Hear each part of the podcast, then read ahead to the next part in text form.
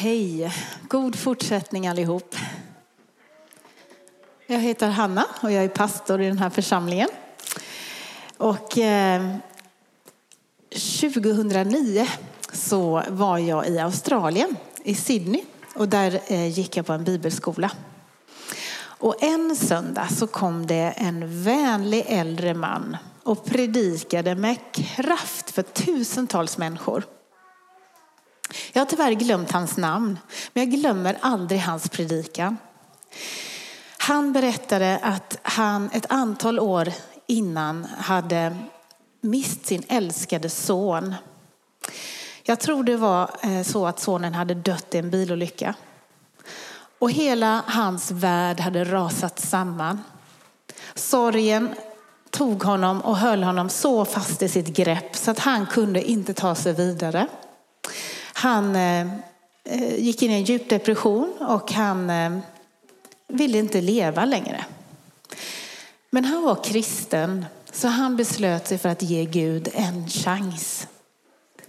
Han bestämde sig för att sätta sig på en stol en kvart om dagen och bara sitta där inför Guds ansikte och vänta på att Gud skulle göra någonting. Han orkade inte be, han orkade ingenting. Och så där satt han på sin stol i 15 minuter den första dagen och den andra dagen och den tredje dagen. Och efter ett tag så började han känna en varm närvaro komma. Och det här växte och jag tror det var under ett halvår som han satt där på sin stol och Gud uppenbarade sig för honom. Kom och tröstade honom, började tala med honom och han började tala med Gud. Och det här växte så att den relationen den här mannen, den här pappan fick till Gud blev så stark och så kraftfull. Så Gud kallade honom till att börja predika och resa ut och berätta om hur Gud hade rest upp den här mannen från hans sorg in på, upp på fötter igen, in i en uppgift som Gud hade för honom. Så där stod han nu och strålade av värme och glädje och predikade hopp in i tusentals människor. Helt vanlig, äldre, vänlig man. Han predikade om hur Gud kan göra det omöjliga. Om att när allt hopp är ute så kan Gud resa oss upp igen. Och vi ska läsa Hesekiel kapitel 37 idag. Där situationen för Guds folk lite liknar den situation som den här mannen hade varit med om. Så vi läser från Hesekiel kapitel 37.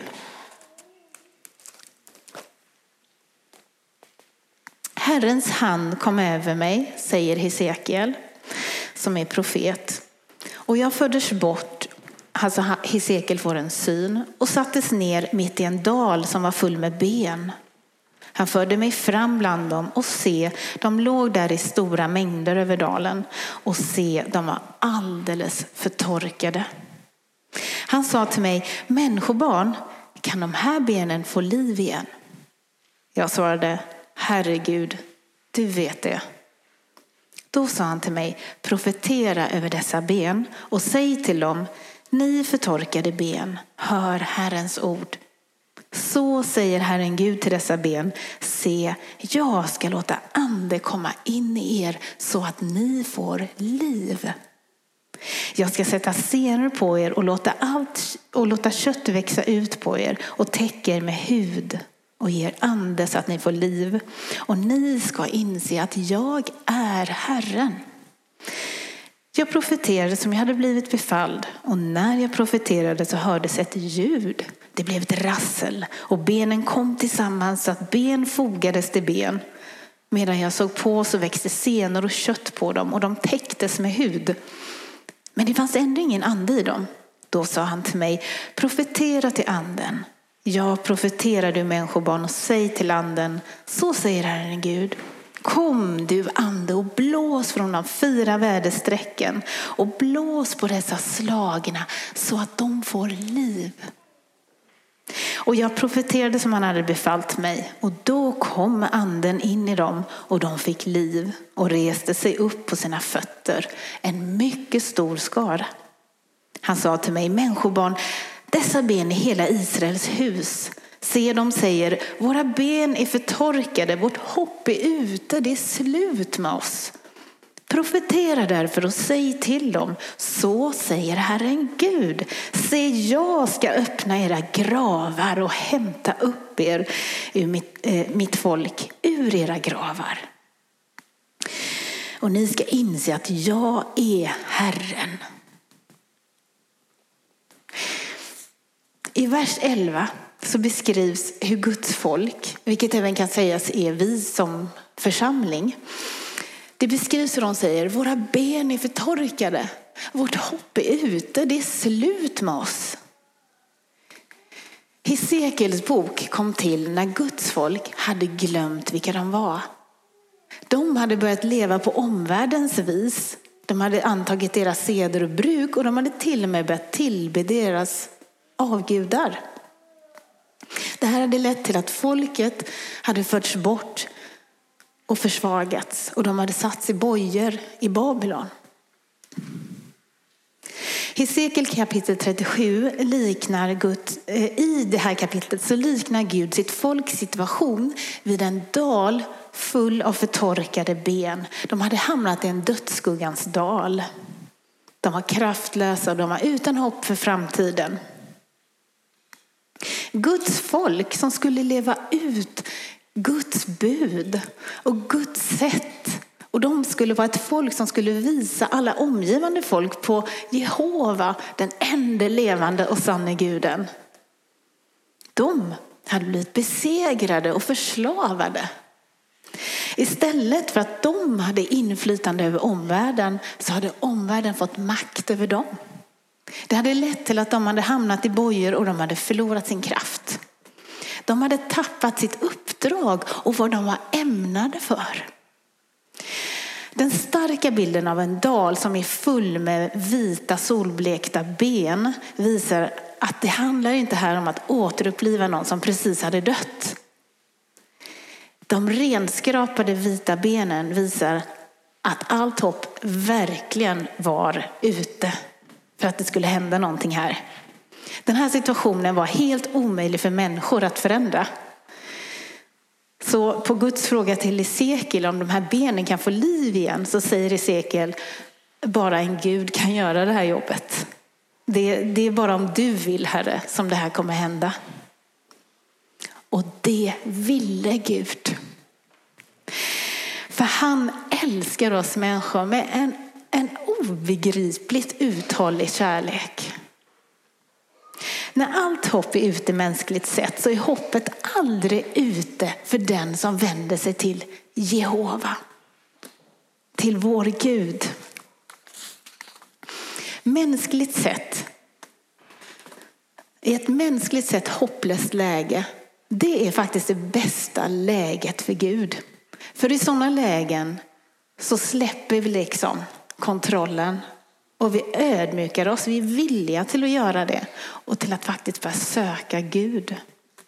Och när Gud griper in och vänder vår hopplösa situation så förstår vi och alla andra att det är Gud som har varit här och gjort någonting. I en av våra gudstjänster före jul så fick vi höra Farsin berätta om vad Gud har gjort i hans liv. Farsin som var hemlös och fast i droger och kriminalitet. Han var en tränad stridskämpe som alla var rädda för i Göteborg. Polisen orkade knappt ens befatta sig med Farsin utan betraktade honom som ett hopplöst fall. Socialsekreterarna hukade sig när Farsin kom in på socialkontoret. Han var oftast arg och vid något tillfälle hade han en, ett baseballträ i handen. Men så fick Farsin möta Jesus och han blev totalt förvandlad. Farsin är en av de snällaste människor jag känner idag. Och han är idag utbildad drogterapeut. Så Gud reste Farsin upp ur hans mörker till att bli en krigare i Guds armé. Och det är många som farsin har räddat och hjälpt in i Guds rike. Så när Gud säger, eller när Guds folk säger, våra ben är förtorkade, vårt hopp är ute, det är kört. Så svarar Gud med att låta sin ande komma. Och han ingjuter den i sitt folk. Han lägger ner sig själv i oss. Det resulterar i en inre förnyelse och vi blir befriade från våra gamla dåliga vanor och mönster. Vi får förvandlade hjärtan som hungrar efter att göra Guds vilja. Gud griper in och israelerna i Hesekiel blir befriade från fångenskapen i Babylon och får återvända in i sitt löfte igen, i sitt löftesland. Med förvandlade hjärtan så får de återuppbygga Jerusalem och templet. De får återuppbygga församlingen och de får komma in i sitt syfte igen. Att vara Guds prästefolk som ska berätta om Gud för världen. Så Gud låter sin ande komma in i sitt förtorkade och liggande folk så att de reser sig upp igen och kommer in i sitt syfte. De blir en armé. För folkbibelns översättning i vers 10 har faktiskt missat en viktig poäng. I vers 10 som beskriver hur Guds ande kommer in i sitt folk så står det att Gud, Guds folk reser sig upp och blir en stor skara. Men det här hebreiska ordet shayin för skara, det översätts, eller det betyder egentligen armé. Eller en här, eller en mäktig man. I den engelska översättningen, NIV, så står det breath, alltså Guds andedräkt. Entered them and they came to life and stood up on their feet a vast army. Gud reser upp sitt folk igen till att bli en armé. Inte en skara människor i allmänhet.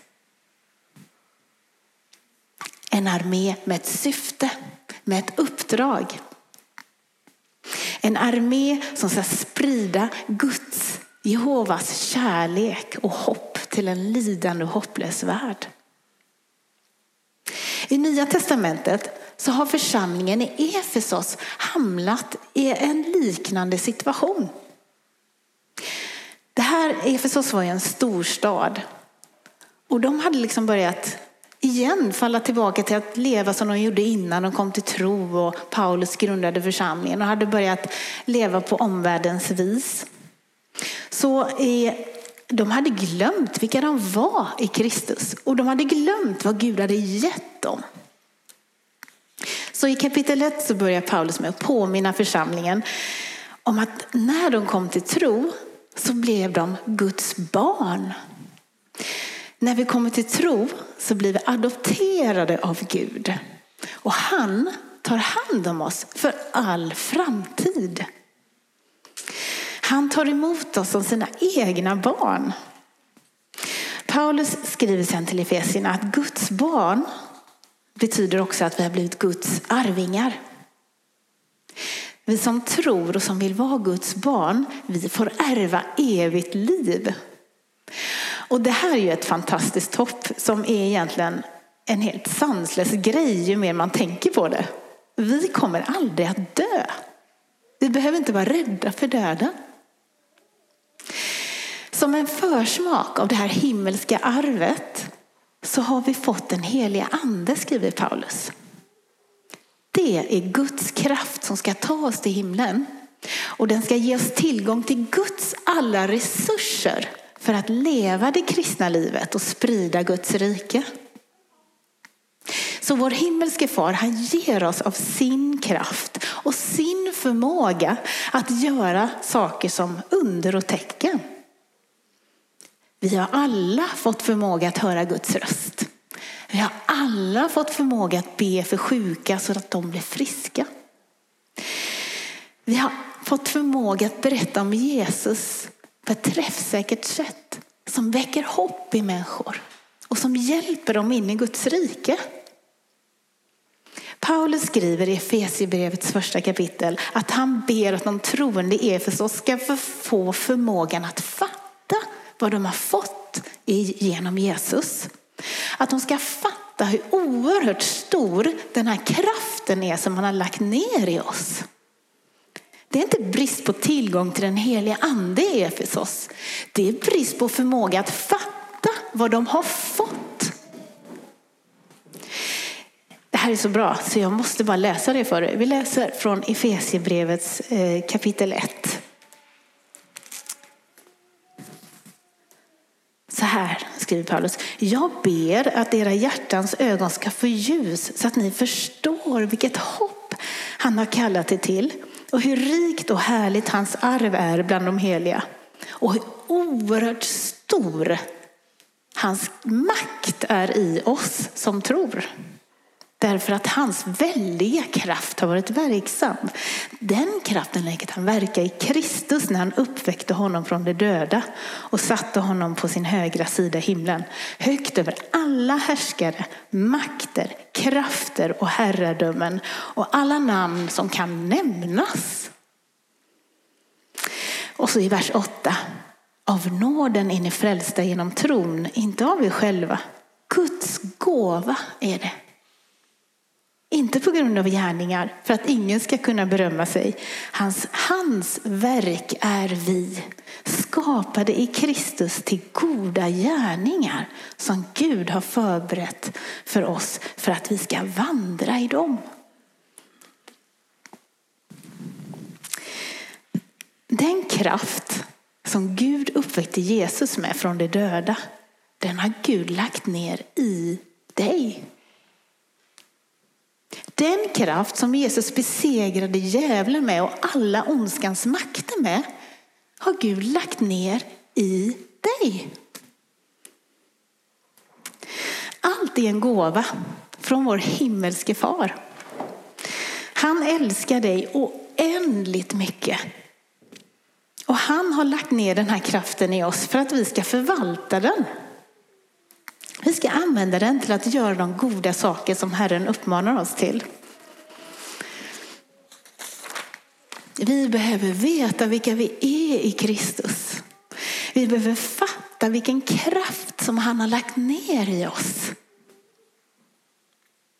Man riktigt hör Paulus frustration när man läser i Efesierbrevet över att de troende i Efesos inte inser vilken tillgång de har till den här kraften. För han upprepar i tredje kapitlet igen att han ber för dem. Han ber att de ska kunna fatta hur otroligt älskade de är av sin far i himlen och vilken kraft han har lagt i dem. I 3.20 så skriver Paulus, han som kan göra långt mycket mer än allt vi ber om eller tänker oss genom den kraft som verkar i oss. Guds folk säger, vårt hopp är ute, det är kört. Gud säger, jag lägger min ande i er. Jag ger er all min kärlek, jag ger er all min kraft och ni får tillgång till den. Jag ger er allt mod ni behöver. Paulus visste vad han pratade om. Han beskriver sig själv som rädd och svag. Han som är den största aposteln i Nya Testamentet. Han som spred den kristna tron till Europa och till Asien och grundade flera församlingar och skrivit en, tror jag, största delen av Nya Testamentet. Han var svag och rädd. I andra Korintierbrevet så beskriver han alla svårigheter som han har gått igenom. Jag tänkte att jag ska kolla på dem i, i kapitel 11, vers 23. Då skriver han så här. Um. Jag har arbetat mer, suttit i fängelse mer, fått hugg och slag i överflöd och ofta varit i livsfara. Av judarna har jag fem gånger fått 40 rapp minus ett. Det var för att om man fick 40 rapp så var det sannolikt att man skulle dö. Tre gånger har jag blivit piskad med spö. En gång har jag blivit stenad. Tre gånger har jag lidit skeppsbrott. Ett helt dygn har jag drivit på öppet hav. Det här steningen, det kan vi läsa om i Apostlagärningarna. Så här skriver eh, Lukas om den händelsen. Från Antiochia och Ikonium så kom det nu några judar. De lyckades få med sig folket och man stenade Paulus och släpade ut honom ur staden i tron att han var död. Men när lärjungarna samlades omkring honom reste han sig och gick in i staden. Är ni med? Paulus har blivit stenad. En segdragen och plågsam avrättningsmetod. Men på något sätt så reser han sig upp igen och går in i staden. Hallå! I staden där folket just hade försökt att döda honom. Så fortsätter han och går in och fortsätter sitt uppdrag. Paulus hade lärt sig någonting. Han hade lärt sig att hämta sin kraft från Gud. Det gjorde att han kunde resa sig upp gång på gång. Trots att mänskligt sett så låter det helt omöjligt. Helt omöjligt. Ja, verkligen. Det är värt en applåd. Underbart Gud. Så vad är det som gör att Paulus trots alla lidanden bara reser sig upp gång på gång? Jo, det är Guds andes kraft. I Korintierbrevet så säger Gud till Paulus, min nåd är nog för dig. För min kraft fullkomnas i din svaghet. Paulus hade lärt sig att hoppet är aldrig ute för ett Guds barn. Det finns alltid ny kraft att få från Herren. Men hur ska vi få fatt i den här kraften som församling? Jo, Paulus ger församlingen i Efesos två ledtrådar. Att komma ihåg vilka de är i Kristus och vad han har gett dem, den här kraften han har lagt i dem. Och att leva det nya livet i Kristus. Alltså att leva efter Guds vilja och värderingar. För att Guds ande ska kunna få manöverutrymme i oss så behöver de troende i Efesos lägga bort den gamla människan med de gamla vanorna. Att verkligen lägga bort de här grejerna vi håller på med som vi vet är, inte är vad Gud har lärt oss hur vi ska leva. För vi som tror, vi har tillgång till den helige ande som hjälper oss att göra det här. För det är inte lätt. Men vi har tillgång till den här otroliga kraften. Så Paulus uppmanar därför Efesierna att låta sig fyllas av helig ande. Och så skriver han så här i femte kapitlet i Efesierbrevet. Tänk alltså noga på hur ni lever, inte som ovisa människor utan som visa. Ta väl vara på varje tillfälle, för dagarna är onda. Så var därför inte oförnuftiga utan förstå vad som är Herrens vilja. Berusa er inte med vin, det leder till vårdslöshet. Låt er istället uppfyllas av helig ande. Ja, jag håller med. Det här är så väldigt bra så det är värt en applåd det också. Så hela tiden så ser vi parallellen med Hesekiel kapitel 37. Efter att Hesekiel har förmedlat Guds ord till de förtorkade benen så formar Gud sitt folk på nytt. Efter att han har format dem och låtit Hesekiel tala ut Guds ord över dem så blåser Gud sin ande in i folket så att de reser sig upp och blir en användbar armé.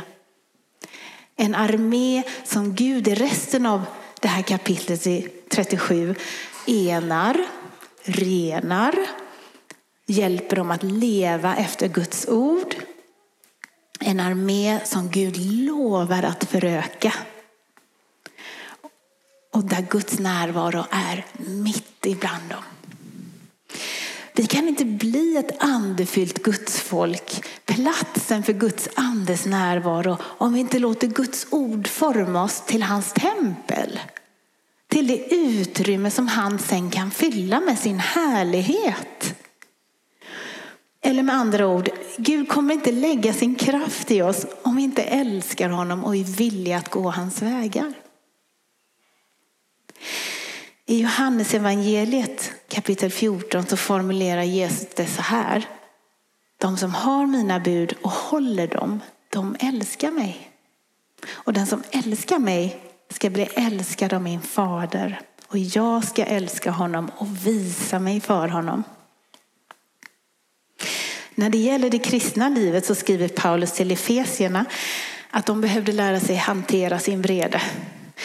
De behövde lära sig att förlåta varandra och älska varandra istället. De behövde lära sig att bygga upp varandra med sina ord istället för tvärtom.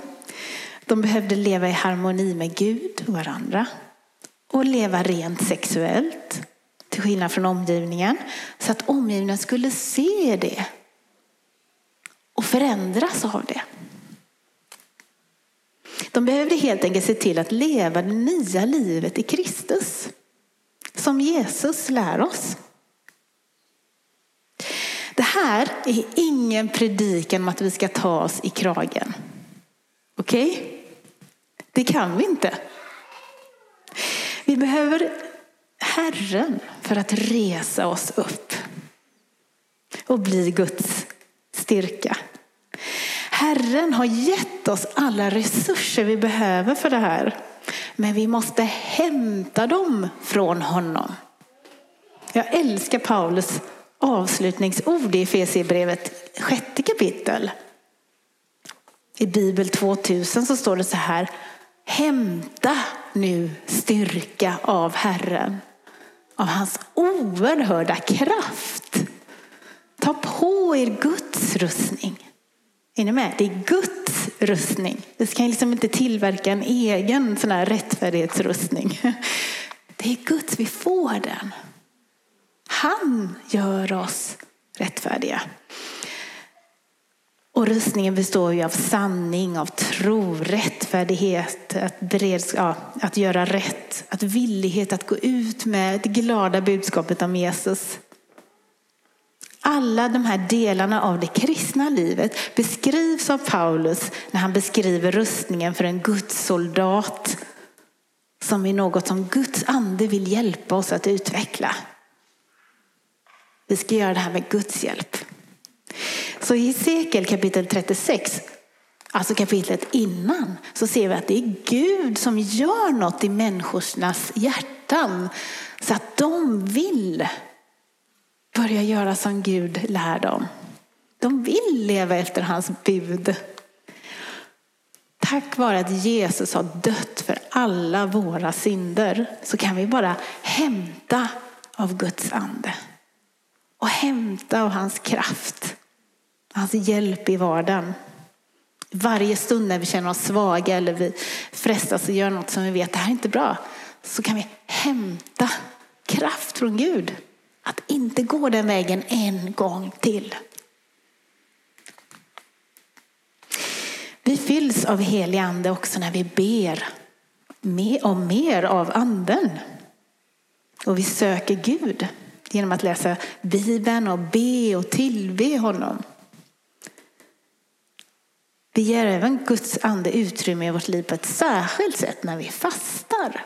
Och det tänker jag predika om nästa söndag. För vi tänker ge oss i församlingen en chans att bli fyllda av Guds ande på nytt de här kommande veckorna. Så vi tänker erbjuda oss alla att fasta och sen ska vi ses den 22 januari förhoppningsvis, om inte coronan ställer till det. Då ska vi ses och så ska vi bara tillbe och ska bara låta Guds ande komma och fylla oss och förnya oss. Och så bryter vi fastan och käkar ihop efteråt. Det är planen. Israels folk hade inte hållit Guds ord högt. De hade börjat leva som andra i sin omvärld. De hade hamnat i ett läge utan kraft att ta sig vidare och utan hopp. I Hesekiel kapitel 37 så liknas det här tillståndet som folket hamnat i vid en, ben, en, en dal av förtorkade ben. Men i sin stora kärlek så beslutar Gud sig för att resa upp sitt folk och låta sin andes kraft ge dem nytt liv. Vi som är Guds folk har blivit på nytt födda och vi har blivit uppresta av Gud till ett uppdrag. Vi är Guds älskade söner och döttrar och vi har fått ett arv. Det är redan vårt. Vi är på väg till himlen, men vi har redan nu tillgång till himlens kraft. Med himlens kraft är vi utrustade att dela vår tro med andra och sprida Guds rike och hans hopp. Så låt oss nu bli starka i Herren och hämta av hans underbara kraft. Vi kommer strax att gå in i nattvarden. Och du som har en tro på Jesus bjuds att vara med. Låt det här bli ett tillfälle till omvändelse och en nystart med Herren. Där vi lägger av oss den gamla människan med de gamla dåliga vanorna. Och vi sträcker oss mot Guds bättre väg för oss. Låt dagens nattvard bli en förberedelse på att kunna ta emot mer av Gud de kommande veckorna. Gud är här och han längtar efter att få ge oss mer av sin heliga ande. Ska vi be? Tack Herre Jesus. Tack att du har dött och gett allt Herre gett hela dig själv för att du ska kunna ge oss allt med dig. Ett nytt liv, Herre, där vi blir förvandlade till att bli mer lika dig. En helt fantastisk människa som du Herre. Jag ber att du kommer över oss som ditt folk och att du fyller oss med din heliga ande. Så vi bjuder in dig, helige ande, till att möta oss i nattvarden och förnya oss. I Jesu underbara namn. Amen. Då kan jag, eh, ska vi be lov, eh, lovsångarna, sjungarna, sångarna att komma och sjunga. Och vi ska ha nattvard. Vi gör så här idag att vi sitter kvar i bänkarna och ni kommer bli betjänade där ni sitter. Som eh, Ja, och sen efteråt så kan du, om du känner att du vill ha förbön, eh, komma ner till mig och eh, några till som är redo att hjälpa dig i bön med ditt behov. Och vi har munskydd på oss så du kan slappna av. Eh, vi har också fått några ord ifrån eh, Herren som eh, jag tror vi tar ehm, efter, eh, efter vi har instiftat nattvarden. Mm?